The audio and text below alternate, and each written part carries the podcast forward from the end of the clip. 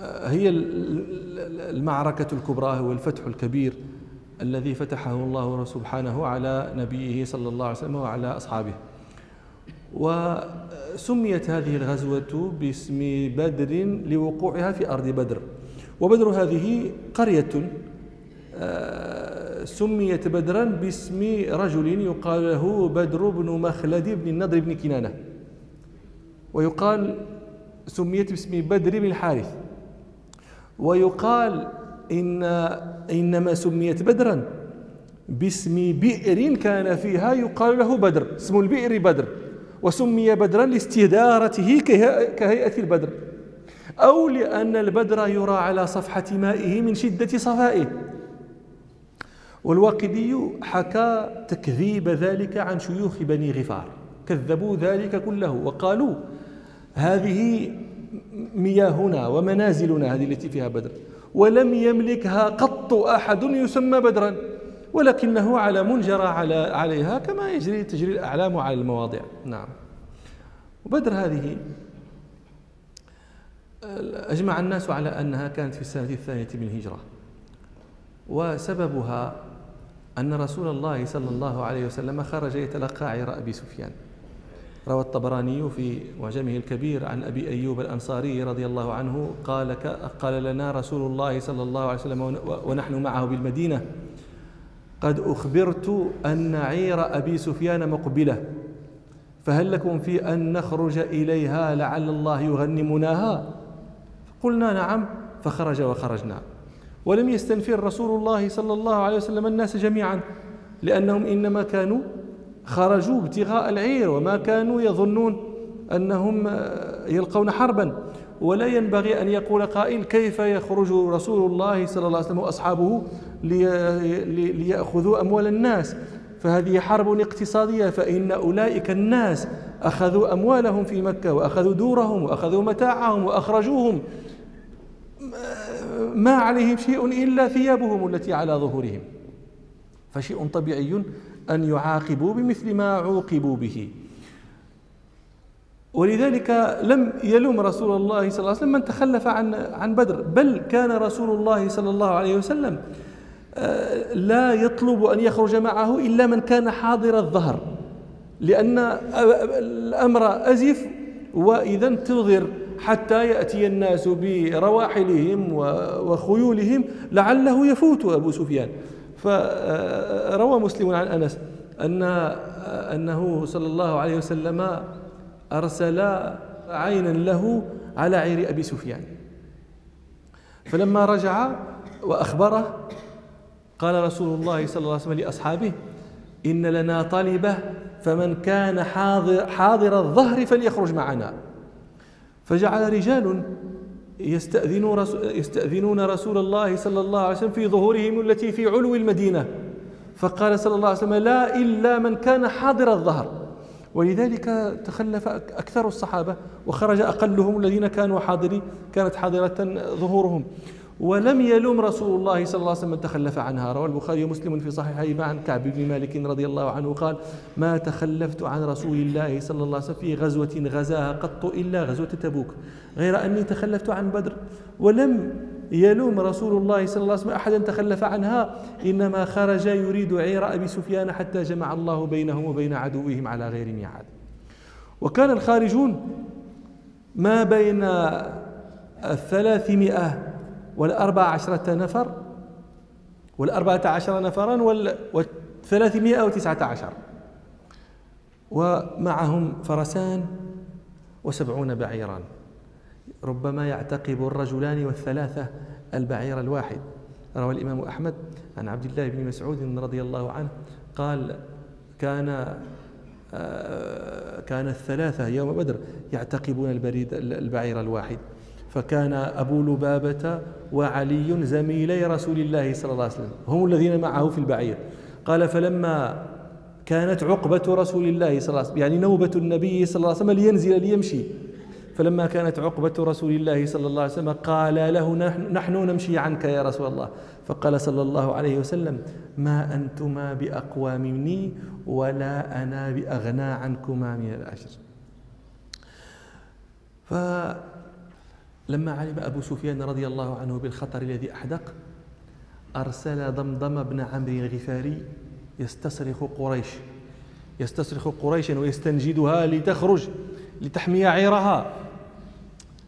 من الإرهاصات المتعلقة بغزوة بدر والتي والتي يحسن ذكرها في هذا الموضع ما رواه الحاكم والطبراني وغيرهما بأسانيد مختلفة. لا يخلو إسناد منها من مقال. لكن باجتماعها يقوي بعضها بعضا.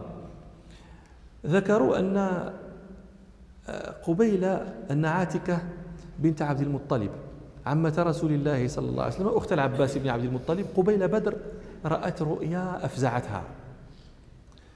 فبعثت إلى أخيها العباس من ليلتها وقالت له إني رأيت رؤيا. خشيت على قومك منها الهلكة فقال ماذا رأيت؟ فقالت لا أذكرها حتى لا أخبرك حتى تعاهدني أن لا تذكرها. فإنك إن ذكرتها وسمعوها آذونا وأسمعونا ما لا نحب. فعاهدها أن لا يحدث بها أحدا. فقالت له رأيت كأن راكبا. جاء من أعلى مكة. فصاح بأعلى صوته يا لغدر يا لفجر اخرجوا في ليلتين أو ثلاث. غدر جمع غادر والفجر جمع فاجر. يا لغدر يا لفجر اخرجوا في ليلتين أو ثلاث. قالت ثم دخل المسجد على راحلته فصرخ ثلاث صرخات فمال إليه من فمال إليه من الناس فمال إليه الناس من الرجال والنساء والصبيان وفزعوا له أشد الفزع. قالت وأراه على ظهر الكعبة فوق راحلته. فصرخ ثلاث صرخات يا لغدر يا لفجر قالت حتى لقد أسمع ما بين الأخشبين من أهل مكة. قالت ثم عمد إلى حجر عظيم فنزعه من أصله ثم رماه على أهل مكة. فأقبل الحجر وله دوي. حتى إذا كان عند أصل الجبل ارفض. انكسر تحطم. ارفض فلم يبقى في مكة بيت ولا دار إلا دخلته فلقة من تلك من تلك الصخرة فلقد خشيت على قومك أن ينزل بهم شر ففزع العباس مما ذكرت له أخته عاتكة. فخرج من عندها فلقي الوليد بن عتبة وكان خليلا له فذكر له رؤيا عاتكة وأمره أن لا يحدث بها أحدا. فذهب الوليد بن عتبة فحدث بها أباه عتبة. فقام العتبة فحدث بها أخاه شيبة فارتفع حديثها في الناس حتى بلغ أبا جهل. فلما أصبح الناس خرج العباس رضي الله عنه يطوف بالبيت. فلما انتهى من طوافه جلس في نفر من قريش فيهم أبو جهل. فقال له أبو جهل يا أبا الفضل ما رؤيا عاتكة فقال له لم تر قط شيئا. قال بلى. وعجبا لكم يا بني هاشم. أما انتهيتم من كذب الرجال حتى جئتمون بكذب النساء؟ لقد كنا أنت نحن وأنتم كفرسي رهان. فاستبقنا المجد منذ حين. فلما تحاذت الركب قلتم منا نبي فلم يبق إلا أن تقولوا منا نبية. والله لا أعرف في قريش أهل بيت أكذب منكم رجلا ولا أكذب منكم امرأة. لقد زعمت عاتكة أن الراكب قال اخرجوا في ليلتين أو ثلاث. فلئن مضت تلك الثلاث تبين لقريش كذبكم. فكتبنا بذلك سجلا. فعلقناه في ظهر الكعبة. أنكم أكذب بيت في العرب رجلا وامرأة. فلما رجع العباس إلى عاتكة أسمعته وآذته أذى شديدا لأنه أفشى ما عاهدها ألا يفشيه. فبعد ثلاثة أيام وصل ضمضم بن عمرو الغفاري الذي الذي بعثه أبو سفيان وجعل يصيح يا آل غالب انفروا إلى عيركم فإن محمدا وأصحابه خرجوا إليها فاخرجوا لتمنعوا عيركم ورجالكم. ففزعوا جدا وتذكروا رؤيا عاتكة. فقالت هي بعد ذلك يعني تخبرهم أنها صادقة غير كاذبة. قالت ألم تكن الرؤيا بحق ويأتكم بتأويلها؟ فل من القوم هاربوا. فقلتم ولم أكذب كذبت وإنما يكذبني بالصدق من هو كاذب. فقالت قريش لما جاءه النبأ أيظن محمد وأصحابه؟ صلى الله عليه وسلم أن, أن, أن تكون كعير بن الحضرمي؟ والله ليعلمن غير ذلك.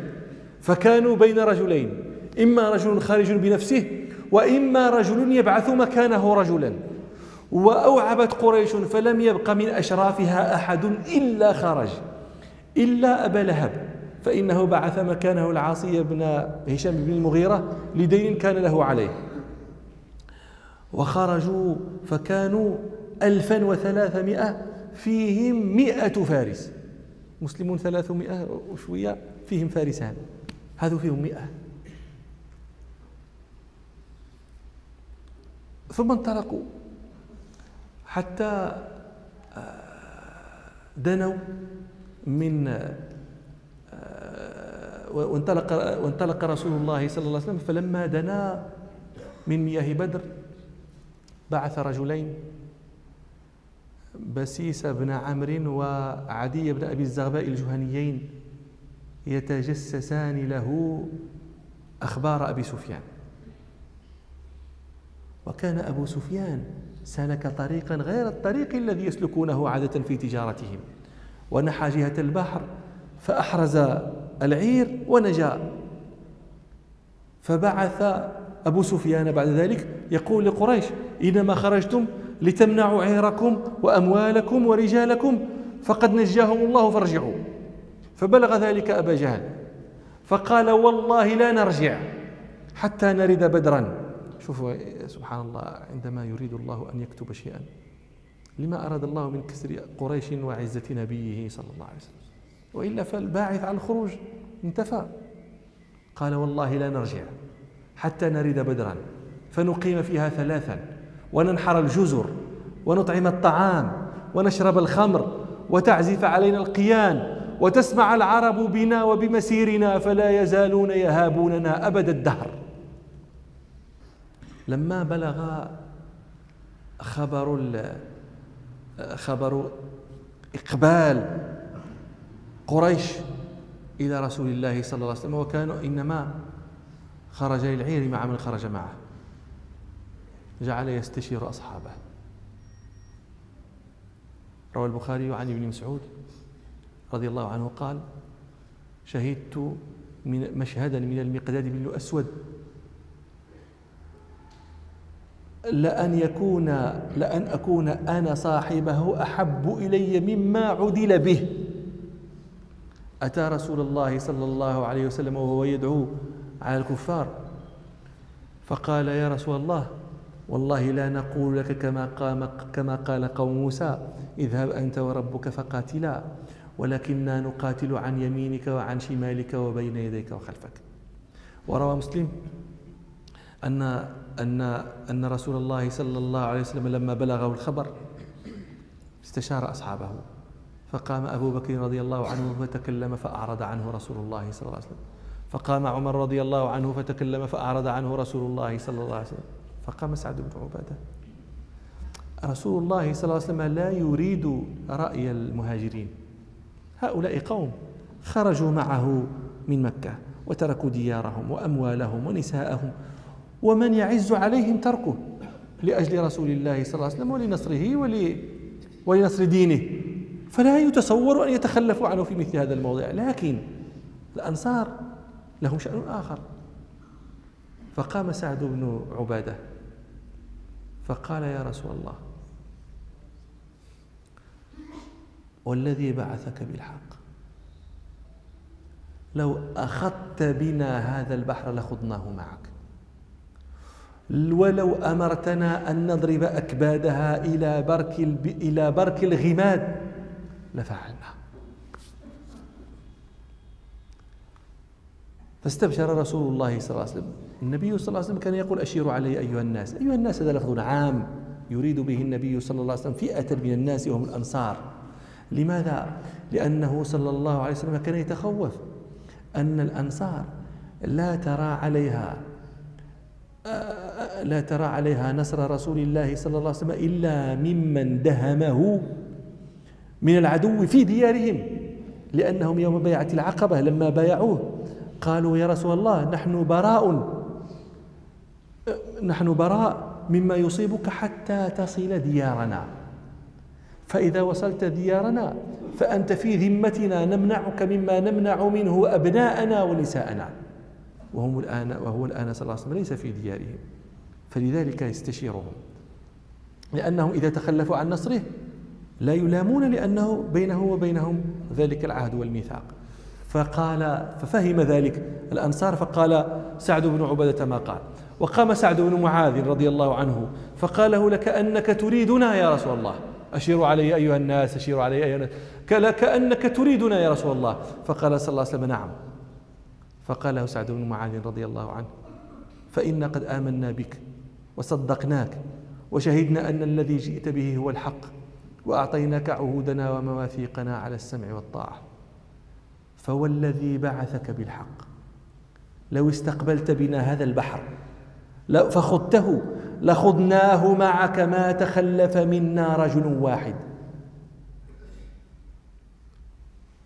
يا رسول الله وما نكره أن تلقى بنا عدونا غدا؟ فإنا لصبر في الحرب صدق في اللقاء ولعل الله يريك منا ما تقر به عينك. وفي رواية أنه, صلى أنه رضي الله عنه قال يا رسول الله صل من شئت صل حبل من شئت واقطع حبل من شئت وسالم من شئت وعاد من شئت وخذ من أموالنا ما شئت. وأعطنا منها ما شئت وما أخذت منها أحب إلينا مما تركت لنا. رضي الله عنهم وأرضاهم. فاستأسر رسول الله صلى الله عليه وسلم وقال أبشروا فإن الله سبحانه قد وعدني إحدى الطائفتين. فلما نزلوا بدرا بعثت قريش من من يستقي لها؟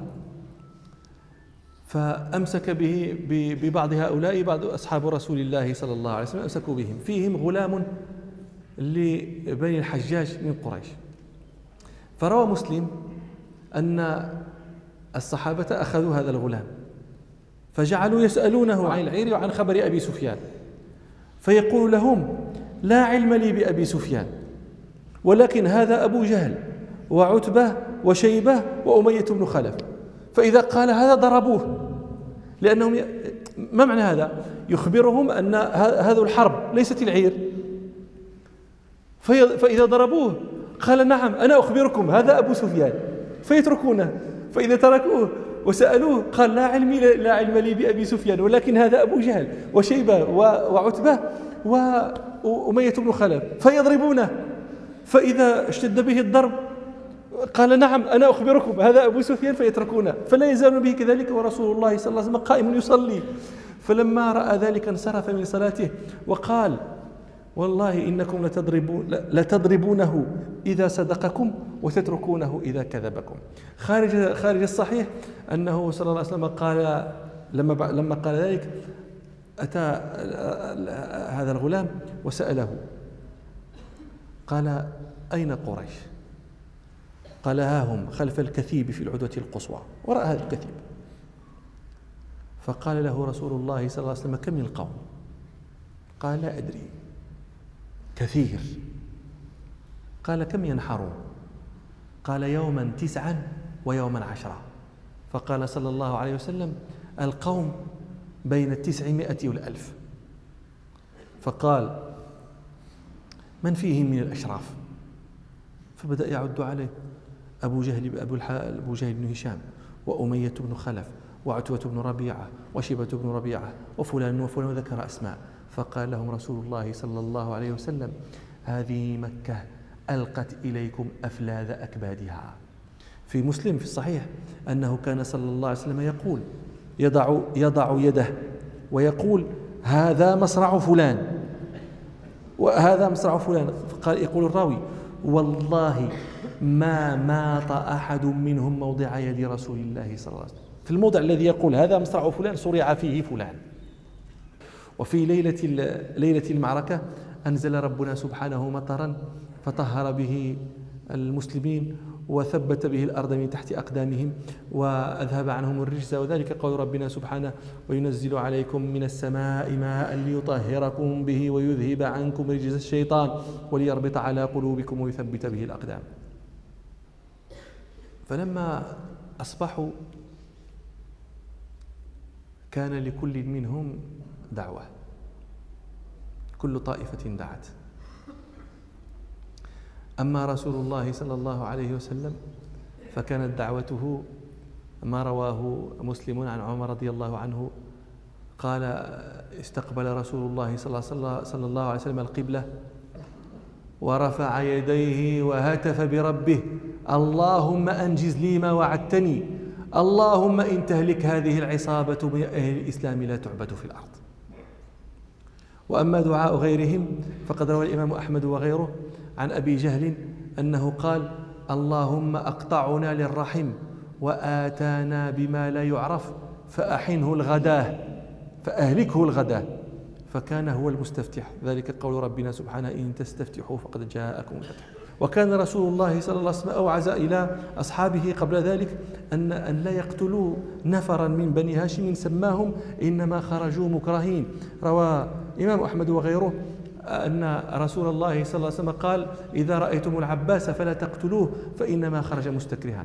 فقال أبو حذيفة بن عتبة أنقتل عشائرنا أنقتل آباءنا وإخواننا وعشائرنا ونكف عن العباس. والله لأضربنه بالسيف.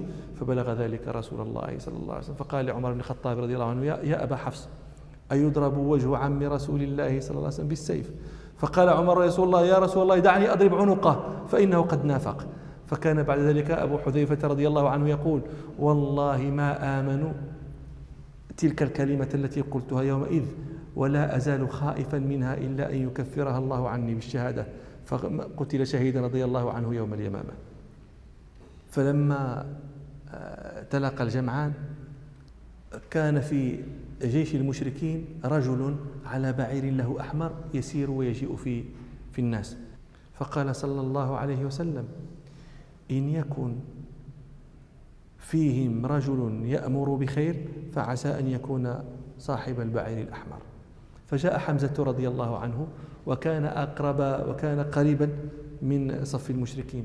فقال يا رسول الله هو عتبة بن ربيعة ينهى عن القتال ويقول يا قوم اعصبوها بي اليوم وقولوا جبنا عتبة وأنت وأنتم تعلمون وقد تعلمون أني لست بأجبادكم. إني أرى قوما مستميتين لا تخلصون إليهم وفيكم خير. اعصبوها بي وقولوا جبنا عتبة. وقد تعلمون أني لست بأجبنكم. فبلغ ذلك أبا جهل. فقال والله لو قالها غيرك لأعضدته. يعني لقلت له كلاما قبيحا والله لو كان غيرك لأعضدته. لقد ملأت رئتك جوفك رعبا. فغضب عتبة وقال إياي تعير بالجبن ابن كذا وكذا. شتمه أيضا. إياي تعير بالجبن يا كذا وكذا. ستعلم اليوم أينا أينا الجبان. فخرج وأخرج معه أخاه شيبة وابنه الوليد. وقالوا من يبارز؟ فخرج إليهم نفر ستة من الأنصار. فقال عتبة لا نريد هؤلاء إنما نريد من بني عمنا من بني المطلب.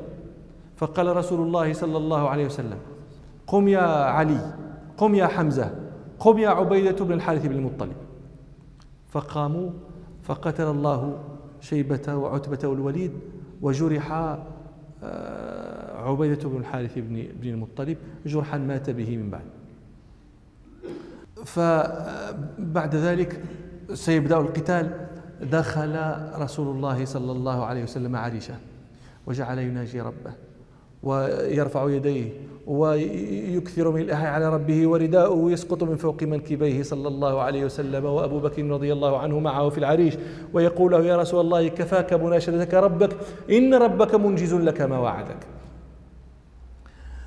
فخفق رسول الله صلى الله عليه وسلم خفقة ثم انتبه فقال يا أبا بكر أبشر قد جاءك نصر الله هذا جبريل آخذ بعنان فرسه آخذ بعنان فرسه على ثناياه النقع. فأنزل ربنا سبحانه المدد الذي ذكره في كتابه. روى مسلم في صحيحه أن أنه بينما رجل من المسلمين يشتد خلف رجل مشركين. يجري خلفه المشرك فار يجري والمسلم يتبعه خلفه. إذ سمع ضربة صوت فوق رأسه. وصوت فارس يقول أقدم حيزوم. ثم نظر فإذا ذلك المشرك قد خر مستلقيا وإذا أنفه قد خطم ووجهه يعني كسر به ضربة يعني كأثر الصوت وقد اخضر ذلك أجمع فحدث بذلك رسول الله صلى الله عليه وسلم فقال صلى الله عليه وسلم صدقت ذلك مدد من السماء الثالثة. وروى أحمد أن العباس رضي الله عنه وأنتم تعلمون العباس كان رجلا ضخم الجثة جاء به أسيرا رجل من الأنصار صغير. فقال العباس للرسول صلى الله عليه وسلم يا رسول الله والله ما هذا أسرني إنما أسرني رجل أجلح من أحسن الناس وجها على فرس أبلق. وجعل الأنصاري يقول يا رسول الله أنا أنا أسرته. فقال له رسول الله صلى الله عليه وسلم أسكت فقد أعانك عليه ملك كريم. وانفضت بدر عما انفضت عنه وكانت فتحا للمسلمين وقتل فيها رؤوس الكفر جميعا. وترك وطرحهم رسول الله صلى الله عليه وسلم في قليب بدر وتركهم ثلاثا. ثم جاء. روى مسلم ذلك في صحيحه أنه صلى الله عليه وسلم تركهم ثلاثا ثم وقف على القليب فقال يا أبا جهل بن هشام يا عتبة بن ربيعة يا شي يا عتبة يا شيبة يا أمية يا أمية بن خلف هل وجدت هل وجدتم ما وعد ربكم حقا؟ فإني وجدت ما وعد ربي حقا فإني وجدت ما وعدني ربي حقا. فقال له عمر يا رسول الله أن يجيبون وقد جيفوا. فقال له رسول الله صلى الله عليه وسلم ما أنتم بأسمع لما أقول منهم غير أنهم لا يستطيعون الجواب. أنا هنا في الحقيقة عندما أقرأ مثل هذا أسأل الله العافية. يعني تصوروا حسرة هؤلاء الذين نودوا بأسمائهم وقد عاينوا ما كان يحذرهم منه رسول الله صلى الله عليه وسلم وما كان يشفق عليهم منه وما كان يرأف بهم وحاول وصنع كل صنيع وحاول كل محاولة واحتال كل حيلة لينقذهم منه فأبوا إلا التقحم فيه وهم الآن يسمعون ما أنتم بأسمع لما أقول منهم. يسمعونه يقول هل وجدتم ما وعد ربكم حقا؟ كيف حسرتهم؟ ولا يرجعون. ها هم وجدوا ما وعد ربهم حقا ولكن هيهات لا يرجعون. وهذه من أعظم الحسرات. لا يخرجون من النار أبدا أبدا. وهذا هذا الذي كان صلى الله عليه وسلم يشفق عليكم منه. لكنهم ليسوا فقط من يتحسر. كل من تقحم ما كان يأمره رسول الله صلى الله عليه وسلم لا يفعله. كل من ترك وأهمل ما كان رسول الله صلى الله عليه وسلم يأمره أن يفعله ويعتني به. تعظم حسرته عندما يرى عاقبة ذلك. ولا يستطيع أن يتدارك يا عباد الله. يحدثني رجل أن أحد الصناع الذي كان يشتغل عنده العمال ويعطل ويؤخر عنهم أجورهم. فإذا تكلموا وطالبوا أجرتهم وكذا قال لهم حتى أمام الله وعلقوني ثم مات. هذا مات. فإذا اجتمع معهم وإذا لقوه أمام الله كيف تكون حسرته؟ هذا الذي يجترئ على مثل هذا ويقول الحمد لله علقوني. الآن والتدارك يمكن. الآن. وإلا ف أسأل الله أن أن يعيذنا من هذه الحسرات. بدر هذه المعركة قيل فيها شعر كثير من الجانبين.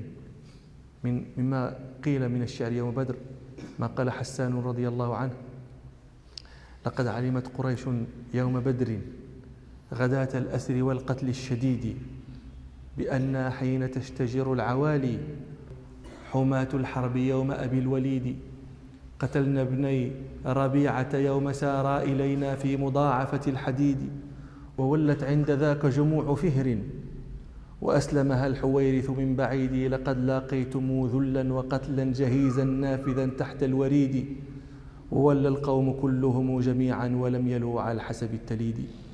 وقال أيضا رضي الله عنه في بدر قال ألا ليت شعري هل أتى أهل مكة؟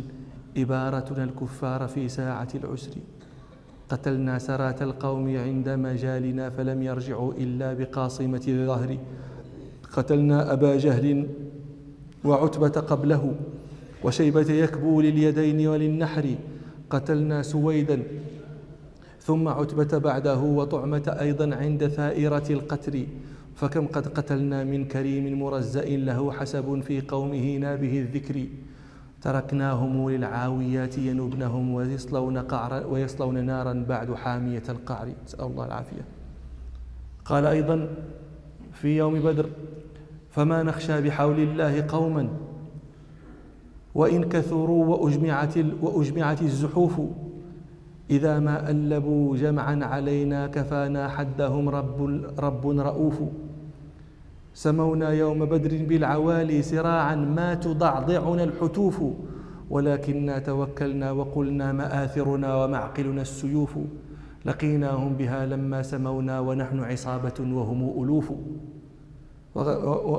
ومن الشعر الذي قيل يوم بدر شعر كعب بن مالك رضي الله عنه يقول ألا هل أتى غسان في نأي دارها؟ وأخبر شيء بالأمور عليمها. بأن قد رمتنا عن قسي عداوة معدا معد معا جهالها وحليمها لأنا عبدنا الله لم نرج غيره. رجاء الجنان إذ أتانا زعيمها نبي صلى الله عليه وسلم. نبي له في قومه إرث عزة وأعراق صدق هذبتها أرومها. فساروا وسرنا فالتقينا كأننا أسود لقاء لا يرجى كليمها. ضربناهم حتى هوا في في مكرنا لمنخر سوء من لؤي عظيمها. فدس فولوا ودسناهم ببيض صوارم سواء علينا حلفها وصميمها. ومما قيل في ذلك اليوم قول ضرار بن الخطاب بن مرداس يرثي قتلى بدر. ويقول للأنصار إنما نصرتم نصركم نصرتكم قريش انتصرتم بقريش أما أنتم فلا في عير ولا في دبير. يقول فيها آه، عجبت لفخر الأوس والحين دائر عليهم غدا والدهر فيه بصائر وفخر بني النجار أن كان معشر. أصيبوا ببدر كلهم ثم صابر فإن تك قتلى غودرت من رجالنا. فإنا رجال بعدهم سنغادر وتردي بنا العرج العناجيج وسطكم بني الأوس حتى يشفي النفس ثائر ووسط بني النجار سوف نكرها لها بالقنا والدارعين زوافر. يقول لهم فإن فإن تظفروا في يوم بدر فإنما بأحمد أمسى جدكم وهو ظاهر صلى الله عليه وسلم. إنما فزتم وظفرتم بنا بسبب صاحبنا هذا هو حظكم وجدكم. فإن تظفروا في يوم بدر فإنما بأحمد أمسى جدكم وهو ظاهر. وبالنفر الأخيار هم أولياؤه يحامون في اللأواء والموت حاضر. يعد أبو بكر وحمزة منهم ويدعى علي وسط من أنت ذاكر. ويدعى أبو حفص وعثمان منهم وسعد إذا ما كان في الحرب حاضر. أولئك لا ما نتجت في ديارها بنو الأوس والنجار في من تفاخر. فرد عليه كعب بن مالك رضي الله عنه الأنصاري قال له عجبت لأمر الله والله قادر على ما أراد ليس لله قاهر. قضى يوم بدر أن نلاقي معشرا قضى يوم بدر أن نلاقي معشرا بغوا وسبيل البغي بالناس جائر. وقد حشدوا واستنفدوا من يليهم من الناس حتى جمعهم متكاثر. يقول له وفينا رسول الله والأوس حوله. يذكر الأوس والخزرج. وفينا رسول الله والأوس حوله. له له معقل منهم عزيز وناصر. وجمع بني النجار تحت لوائه يمشون في الماذي والنقع ثائر. فلما لقيناهم وكل مجاهد لصاحبه مستبسل القلب صابر, صابر شهدنا بأن الله لا رب غيره وأن رسول الله بالحق ظاهر صلى الله عليه وسلم. ويمضي ويبين ويذكر له من قتل من من عظمائهم ثم يقول له فأمسوا وقود النار في مستقرها نعوذ بالله. فأمسوا وقود الله وقود النار في مستقرها وكل كفور في جهنم صائر. وكان رسول الله قد قال أقبلوا فولوا وقالوا إنما أنت ساحر. لأمر أراد الله أن يهلكوا به وليس لأمر حمه الله زاجر. وليس لأمر حمه الله زاجر. ليس لأمر قدره الله. وأراد وقوعه من يزجره ويرده. نسأل الله تعالى أن لا يقدر علينا ما يطلب زجره ورده. هذه غزوة بدر وهذا بعض حديثها. يعني هذه بدر شأنها غريب من ابتدائه إلى انتهائه. يقول ربنا آه، إذ يعدكم وإذ يعدكم الله إحدى الطائفتين أنها لكم. وتودون أن غير ذات الشوكة تكون لكم. ولو نالوا الذي أرادوه لتمنوا الذي أراده الله لهم. ما أراد الله لهم وإن كان فيه شوكة لكن ثمرته عظيمة جدا. فسبحان الله الإنسان ينبغي أن يركن إلى اختيار ربه له. إذا لم تجئ الأقدار بما تشتهيه أنت لنفسك فاركن إلى ما جاءتك به الأقدار لأنه اختيار ربك لك. لا تأسف لا تحزن. الذي يختاره لك ربك أولى من الذي تختاره أنت لنفسك. فإذا لم يجئ لم تجئ إلى أقدار بالذي تشتهيه فاشتهي الذي جاءتك به. إذا لم يرد إذا لم يكن ما تريد أريد ما يكون. فإن الذي يكون خيرا خير لك من من الذي تريد. هذا ظننا بربنا.